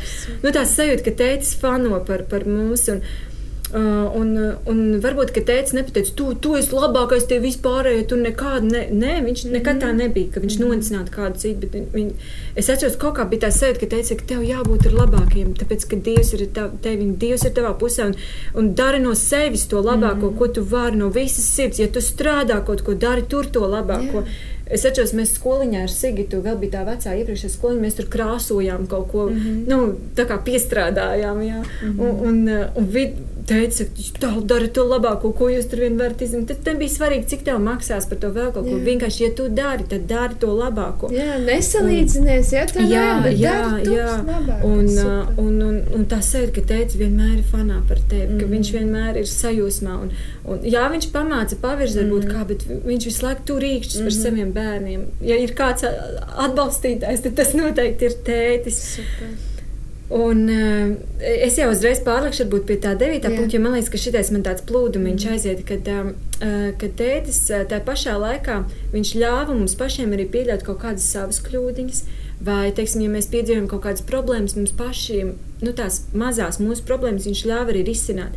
Tēvs nebija noteikti no tiem, kurš skrien uzreiz pie skolotājas, kā ir divnieks, tā viņš tur uzreiz zvanīs un tu vēl kaut ko skolotāji kādā saka, jā, šoreiz jau skolotāji brauc augumā ar bērniem. Jā, mūsdienās. Vispār, vispār, tas, tas vispār nebija stāsts par to, tu mm -hmm. pats esi savārījis ziepes, pats tur ir tiec galā. Protams, ka tēvs mājās ir tas, kurš atbalsta un dod padomu, varbūt kā palīdzēt jā. izrisināt to.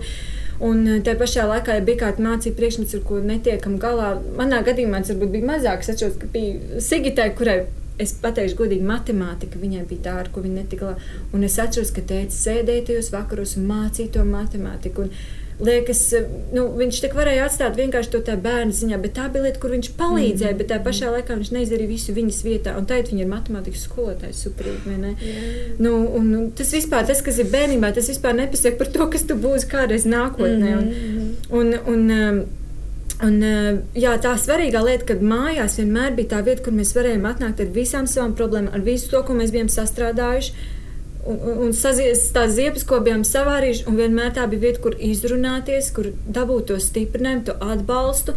Un tētis nebūs tas, kurš ies karot tavā vietā, tu pats aizies un to atrisinās. Bet nu, mājās tev vienmēr ir tas atbalsts un aizmugure. Bet tāpat laikā tas man ir uzreiz desmitais punkts, ka teicis nekad nepalika vienaldzīgs. Mm -hmm. nu, ka viņam nekad nebija vienalga. Un šeit gan bija viena situācija, ko teica aizgāja atrisināt manā vietā, jo Jā. es jau biju, man liekas, kāda 11 gadus veca meitene, varbūt 12 kaut kā tā, bet gāju vēl mākslas skolā, un man liekas, tas bija kāds trešais kurs. Uh, kur e, es vispār no dabas biju ļoti kautrīga. Man bija ļoti grūti kādam kaut ko pateikt vai iebilst. Mm -hmm. Un mums bija tāda situācija, kad uh, bija tāds viens zīmēšanas skolotājs ar kaut kādām, nezinu, īpaši kaut kādu novirzienu. Man liekas, ka viņam ne, nu, viņš tā kā homoseksuāls, un viņš tā baigi to centās arī mums mhm. bērniem tā demonstrēt un par to runāt. Un, Un bija tas tā viena situācija, kur es nācu mājās un jutos tik netīri, tik pretīgi. Man tik ļoti gribējās tikt no turienes prom, bet tā ir mana mīļa vieta, kur es gribu būt mm. mākslas skolā. Un uh, es domāju, kā lai, es, kā lai es vispār tētim par kaut ko tādu pasaku, jo man, man tāds ir, ka es esmu netīra, un kā es vispār varu var par tādu cilvēku kaut ko pateikt.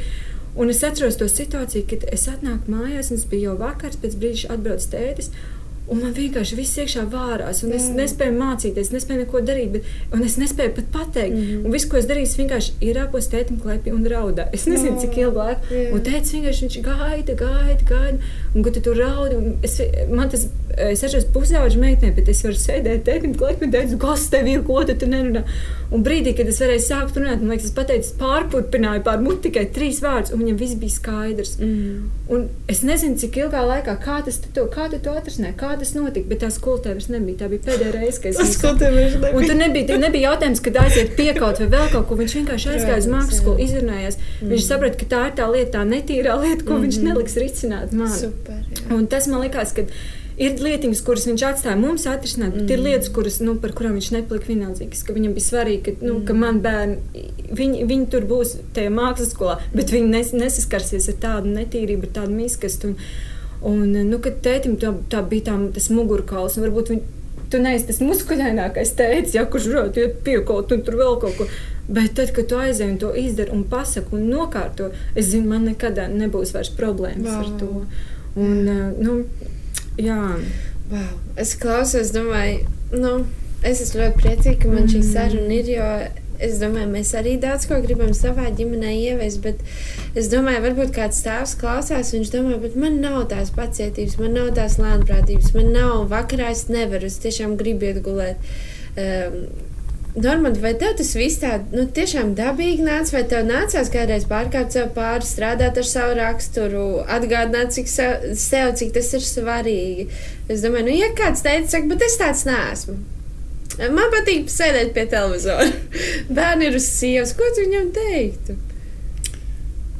Jā, ko es teiktu? Nu, noteikti, ka uh, mēs varam visi mainīties, visiem mm. mums ir jāmainās. Mm. Es domāju, ka katram tēvam savā vietā ir kaut kas, ko viņš var darīt labāk.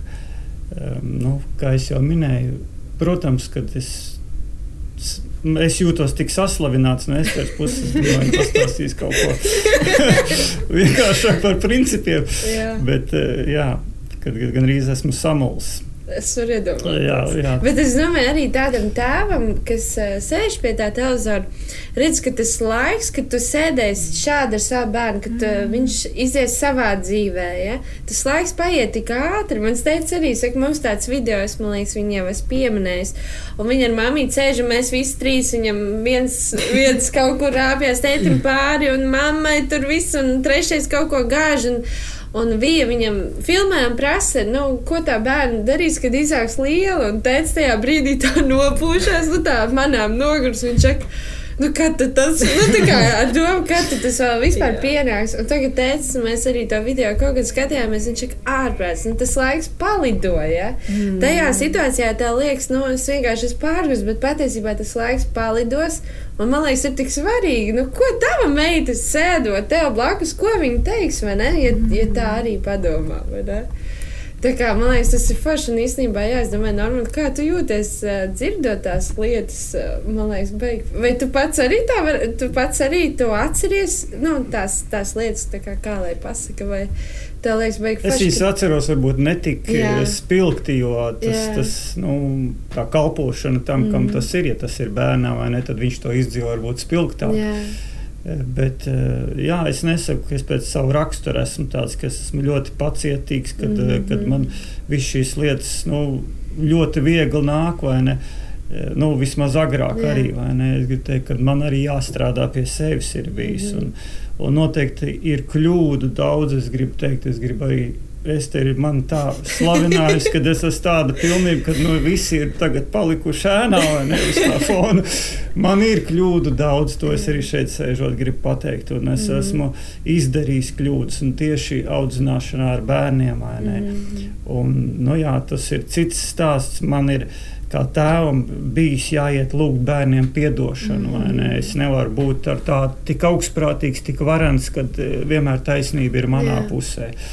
Un, un tā kā es gribu teikt, tā otra puse arī tajā visā ir. Yeah. Es gribu teikt, ja vien mēs kā tēvi cenšamies. Es domāju, varbūt tie ir tādi divi grāvi. Ir tēvi, mm. kas grib tik ļoti mīļi būt, tik ļoti ar saviem bērniem, ka viņi sev šausta par to, kā es teicu, un, un gandrīz tā par tādiem draugiem kļūt. Un, un, un, un, lai, lai, lai, lai man tas mans puikiņš vai man meitiņa ir tur, tur un es visur ar viņu vai ne. Un, un beigās liekas, neizdodas. Mm -hmm. Kaut kas kaut kāds drīzāk tāda lutināšana veidojas, vai kaut kāda lieka uzmanība, pārlieka, vai ne, kad viņš sāk jau gandrīz tā kā atstumt. Mm -hmm. nu, es nezinu, nevis tādas tik ļoti tajās detaļās, varbūt eh, gudrs, lai pateiktu, kā, yeah. kas notiek tā bērna sirdītē, bet domāju, ka kaut kādā mērā eh, bērnam ir jāizdzīvo savus tā kā es te minēju, tās savas grūtības, tie savu pārdzīvojumu. Kad tu nevari visā, visā, visā te būt jā. un paspēt, vai ne? Bet tu esi īstajā laikā. Jā, jā. Tas, tas ir svarīgi. Un, un tas otrs grāvs tēvi, kas norobežojās atkal no saviem bērniem, kā tādi neveiksminieki. Mm. Viņi, nu, nu, tā ir, protams, galējība, ka tu aizej no savas ģimenes, vai ne? Tad es gribu teikt, ka eh, ja vien tev ir bērns šai pasaulē, ne? Tad jā. tev vismaz ir jābūt tādam cilvēkam vai vīrietim vai ne tēvam, kurš vismaz liek par sevi zināt un, mm. un mhm. saprast, ka es, nu, es nezinu katru situāciju, mhm. katru mm. vai ne problēmu, un es nevaru būt tiesnesis, bet tu liec bērnam saprast, ka es esmu tavs teicis, un es kaut ko gribu izdarīt tavā dzīvē labu, vienalga, mm. cik tu saproti. Un, protams, tēvi, kas ir uzticami, kas ir savos namos, es, es ticu, ka Raidījums saucās Māmīte, tev sanāk, bet es saku, tēti, tev sanāk. Jā, ja vien tu jā. dari, mm -hmm. ja vien tu pieliec savu ticību šajā, un to, ko tu dari, to dari ticībā, tev jā. sanāk. Jā. Jā. Es vēl, vēl vienu pēdējo lietiņu, kas man tāds patiesībā salīdzinoši nesens notikums ar tēti bija, bet tad, kad, kamēr es vēl nebiju precējusies, uh, uh, Bet bija jau tāds, tāds laiks manā dzīvē, kad man teica, priekš maniem patiešām bija varonis. Bija kaut kāds, es atceros, vēl kā maza meitene, man bija sapnis, ka es kļūšu par arhitektu, lai es kopā ar tēti varētu Jā. strādāt, jo viņš mm -hmm. ir mhm. celtnieks un es būšu arhitekts. Un, un man teica, mm. tiešām es kaut ko rādīju, un, un, un stāstīju vēl kaut ko, man tas tiešām tā patika. Nu, var, varbūt, tas mans arhitektu, mm. arhitekts aicinājums varbūt nebija gluži tāds, bet man tas nu, bija baigi sirdī tajā laikā. Ja? Un vēl kaut kas, un, un, um, un kaut kā visā tajā tajā bērnībā, un kaut kā tas teica, man patiešām uzauga par tādu varoni. Es gribu būt kā tēvs, man patīk tāds īpašs. Un es domāju, nu, ja es kādreiz apprecēšos, manam vīram ir jābūt tādam tā kā manam tētim. Viņam jābūt mm -hmm. tik, tik dievbijīgam. Es vispār, es vispār neskatījos uz pušiem, kas ir, nu, mm -hmm. nu tur vienu dienu tic un vienu jau naknē jau, jau viss jau, jau grāvījās. Jā, un vēl kaut kas, un man bija svarīgi, ka nu, manam vīram ir tāds mugurkauls. Mm -hmm. Un, jau, kad mēs sākām draudzēties, es sapratu, pats Dāvids ir patiešām puisis tiešām ir tāda mugurkaula, mm. viņam ir tāda principa. Un es domāju, pats, Dievs, tiešām tu man dos, dos tādu vīru. Un, un, protams, tas laiks gāja, un tad jau sekoja tas bildinājums, un es teicu, jā, un tad mēs gatavojamies kāzām. Mm. Bet kaut kur es sevī nebiju atlaidis to tēti. Jā. Un es to tētim nebiju pateikusi. Mm. Un, lai es tik tagad neraudu. Ja? Un uh, es sēžu savā istabā vienu vakaru, un tēti ienāk manā istabā, un mēs tā kā runājam. Un viņš man saka, Ester, tu vienmēr esi teikusi, ka es tagad esmu tavs varonis. varonis. Mm -hmm. un viņš man saka tādus vārdus, bet es, te, es tagad to varoņu titulu esmu nolieku. Oh. Es gribu, lai Dāvids ir tavs varonis. Un, nu, es domāju, piedodiet, jā, par tām asarām. Bet es domāju, man, man tā kā tā meitai, kurai teica, bija tāds tiešām, nu, Bācis, ja mans vīrs nebūs tā, kā mans teica, tad tā nevar. Mhm. Viņš saka, es, es, es, es biju varonis, bet es Jā. to atstāju, un es mhm. tagad gribu, lai tavs vīrs ir tavs varonis. Lai par mhm. viņu tu, tu tici, tu rīkšies, lai par viņu tur runā to labo. Un, Un es vispār nevaru iedomāties, kas notiek tādā teicis sirdī, kur, kuram vienkārši ir savs lolojums jādod mm. kādam jaunam puisim, kurš droši vien kādreiz sāpinās Protams, viņam vēl kaut ko. Un tu vēl esi gatavs atdot to savu varoņu titulu, nodot mm. viņam. Un, Uh, nu, man liekas, ka mums tādas emocionālās saites, nu, tā, tā, tā pareizā ziņā, ka viņas tajā brīdī vienkārši arī tā. Nu, kad tiešām tā pareizi, tā es varēju aiziet no tās ģimenes. Mm -hmm. Mums ir tādas foršas attiecības tagad, mīļas, bet mm -hmm. kad mans vīrs patiešām var būt mans varonis tagad. Uh, Un es do, gribu ieteikt katram tētim, tiešām, ka varbūt tu neesi sava bērna supervaronis, vēl kaut kas, bet varbūt tu arī esi. Un, un, un, un, un, un patiesībā tie bērni patiešām skatās uz tevi mm. tā kā uz tādu varoni. Varbūt viņi tur neizsaka skaļi un, un ne, skaistos vārdos un vēl kaut kā. Bet ir kaut kāds brīdis, kad, kad tu vari arī to varoņu titulu, nu, ka viņi ir izauguši lieli, ka tu viņu nodod tālāk. Vai Nu, jā, kad, kad ir tas kāds cilvēks, kurš patiešām kļūst par nākamo varoni tavu bērnu dzīvē, un tad jau tu viņu palaidi savā dzīvē, un, un tu zini, ka tu esi ielicis visu viņā, visu, ko tu varēji, visas savas zināšanas, un tu vienkārši atdod viņu un viss. Un tagad jūs paliekat par labiem draugiem. un, un tā, tas ir tā baigi, baigi veselīgi. Tas tiešām ir wow, tik skaists stāsts. Es īstenībā saprotu, jo man pēkšņi liekas, tik daudz jautājumu pilnīgi lieki. Jo šeit mēs esam tik, tik vērtīgi mm. pārnājuši. Um, bet tāds jautājums, ko, ko nu, es pajautāju oficiāli, ko gribētu, lai pajautā Normandam, ir. Uh, Kaut gan es tagad jau zinu, mēs jau visi zinām, kur ir tavs spēks, kur ir, kur ir tas. Bet, uh, Norman, bet kā nu, vīrietim nepagurt? Tev ir četri bērni, tev ir darbs, tev ir. Jā, jums nebija, nu, jā, ja pats cilvēks ir ieskrējis kaut kādos lielos finanšu slogos, vai ne? Tas jau viņš, jā, bet kā nepagurt? Kā, kā vīrietim vienkārši neaiziet prom no ģimenes, reku mammas arī sūtīja. Nu, nav vairāk tie tēvi, ja nav klāt, un tu jau viņus uzrunāji. Bet, um, kā vīrietim nepadoties. Varbūt kāds vīrietis jā, arī teicis, klausās, un, un viņš ir tajā liekas, ka ar sievu nesaskan. Es neesmu arī labs tētis, darbā man arī neiet. Nu, kā, kā tu teiktu? Es nezinu, vai ir vien, viena recepte jā. visam, vai ne, bet eh, nu, laikam es sākšu ar to vispirms nežēlot sevi. Mm -hmm uzņemties atbildību.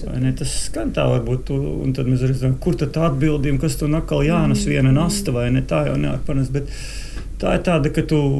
Tad, kad tu žēlo sevi, tad tu vairs neuzņemies atbildību. Tu kaut kur nu, nolien ēnā un mēģini sākt teikt, nu, ka tā, tā, tā sieva ir tā aktīvā un viņa jau tur risina un viņa jau zina labāk. Tur, nu, tas vien jau rāda tās, jāsaka, tā, tādas nianses, ka tu mm. tā kā jau gribi gribi sevi žēlot un palikt mm. kaut kur ēnā.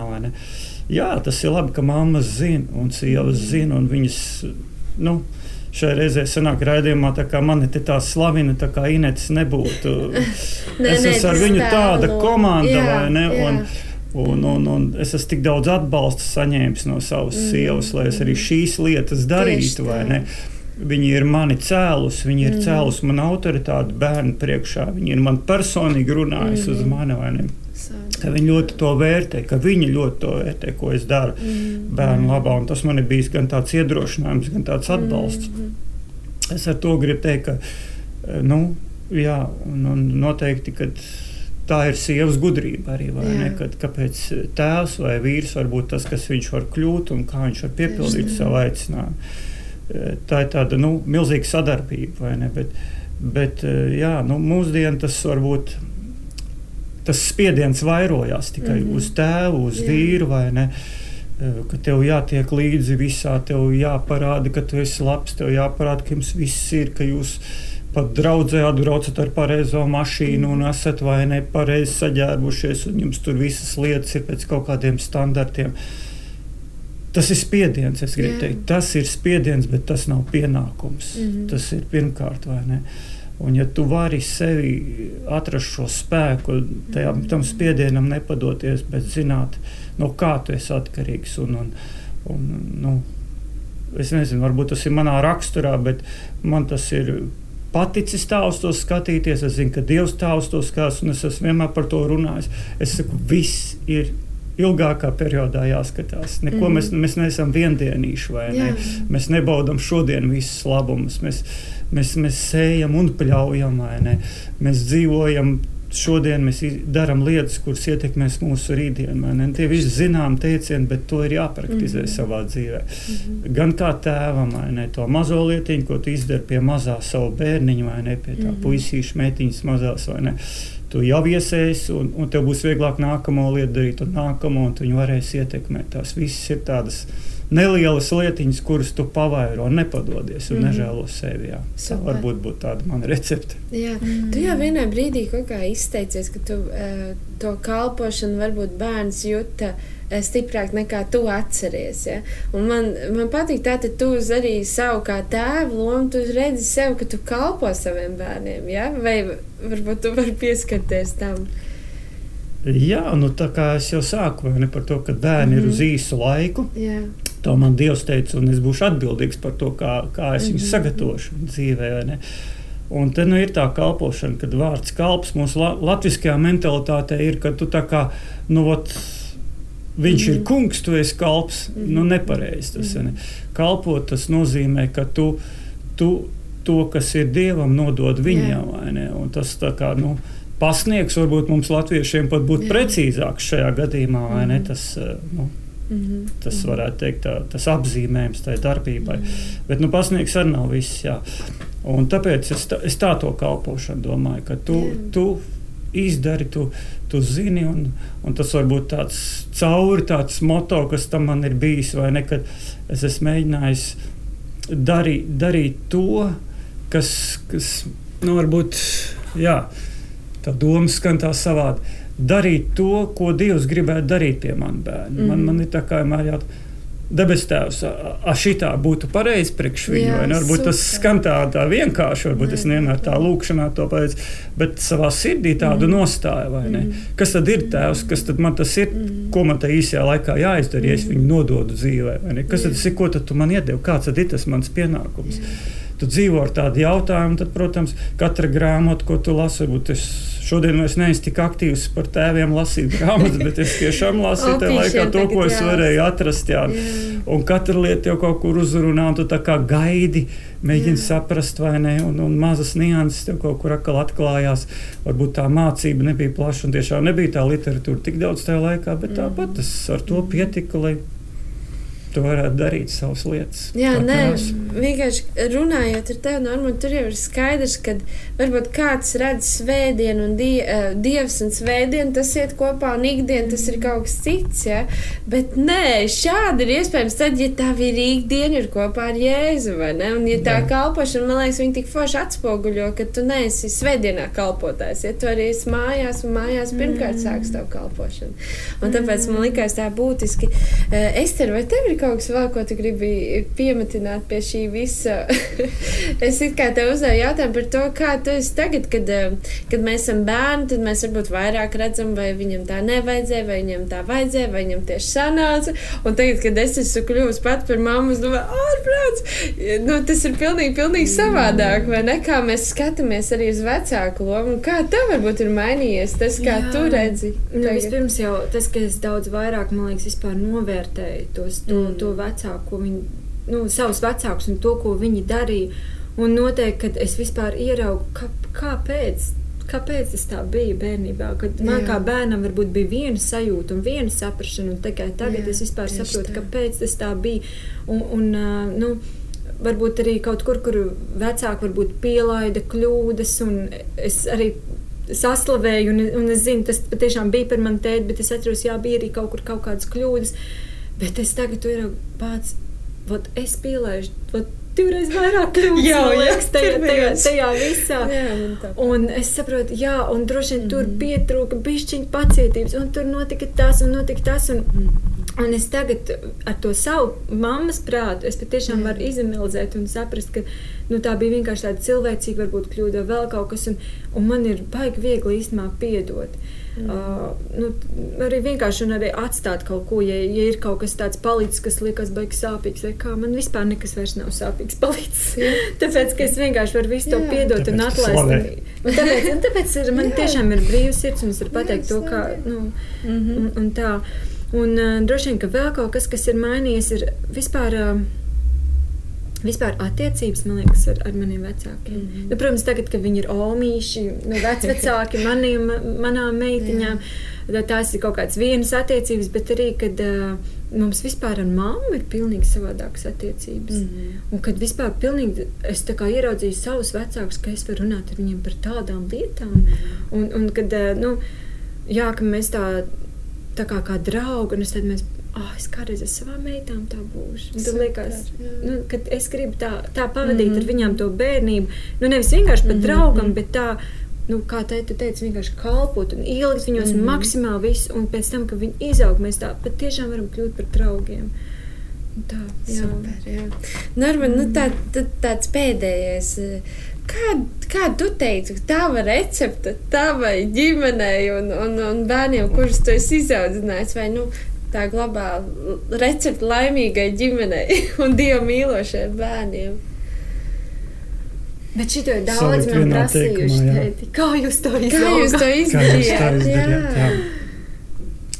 Nu, es tā kā drusku jau pieskāros. Mm -hmm. Tas noteikti ir vīru un sievas attiecības. Un, mm. Zinat, kā katrā ģimenē mums arī nav gājis viegli. Ir tāpat strīdi bijuši. Un, gan tādi savstarpēji, gan kādreiz saistībā ar bērniem.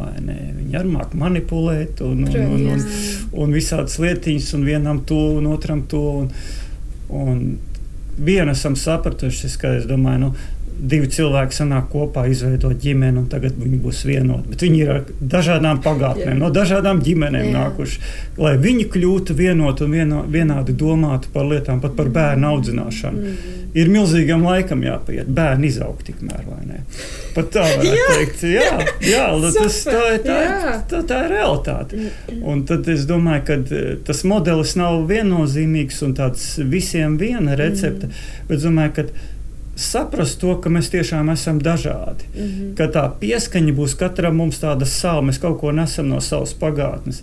Bet, ja vīrs un sieva iemācās savā starpā, nu, tiešām to autoritāti pacelt, vai ne? Gan sieva, vīri, gan, gan teica arī saka bērniem, ka jūs tur māmu klausat, jūs tur, mm -hmm. tur to un to, vai ne, ka jūs esat, un, un atkal otrādi. Mm -hmm. Un es domāju, mums kādreiz kaut kādos jautājumos ar Inetu atšķīrās kaut kāda viedokļa, kā par šo lietu, ko, ko tad šajā darīt. Bet tad, nu, ja tas, kas uzņemas atbildību un dara, mm. tad tas dara pareizi. Tā, yeah. tā uzskatīsim. Nu, tas, laikam, ir tas svarīgākais. Es nesaku, ka vienmēr mums tā tas izdevās, mm -hmm. bet tā būtu tā recepte, ko es teiktu. Mm -hmm. Bērniem vajag to viendabīgumu. Viņi jūtās daudz drošāki, daudz pārliecinātāki kā personīgi. Mm -hmm. Viņi vairāk gan arī pieķerās saviem vecākiem, ka tie vecāki ir tādi viendabīgi šajā mhm. ziņā. Mm -hmm. Jā, nu. Super. Noteikti, ka ir, ir, ir kaut kas vēl cits tajā un citas receptes, bet es domāju, ka. Mm, kad, uh, ja, ja vien mēs uzticamies Dievam un ja mēs gribam izdarīt labāko, es gribu teikt, neskatoties uz šodien, neskatoties uz šī brīža situāciju, uz tiem bērniņiem, ne, kā viņi un ko viņi vai ne. Mm -hmm. Un mēs tā kā gribam to augstzies, redz, kāds viņš jau tur drosmīgs, vai redz, kāds viņš tur tāds un šeit viņam sanāk, vai ne. Ka tas vēl ne, neliecina par to rezultātu, kāds būs. Ja tu zini, ko tu esi iesaistīts, tad tu zini, ka tu to nopļausi vai ne. Super! Nu, paldies, paldies par sarunu ar mani. Es ceru, man liekas, bija ļoti, ļoti vērtīgi jau priekš manis, un es zinu arī, ka priekš jums klausītāji un skatītāji. Un atceries, tēti, tev sanāk, un māmas būsim atbalsti un celsim un atbalstīsim un iedrošināsim savus vīrus un būsim gudras sievas. Atā! Atā! Atā.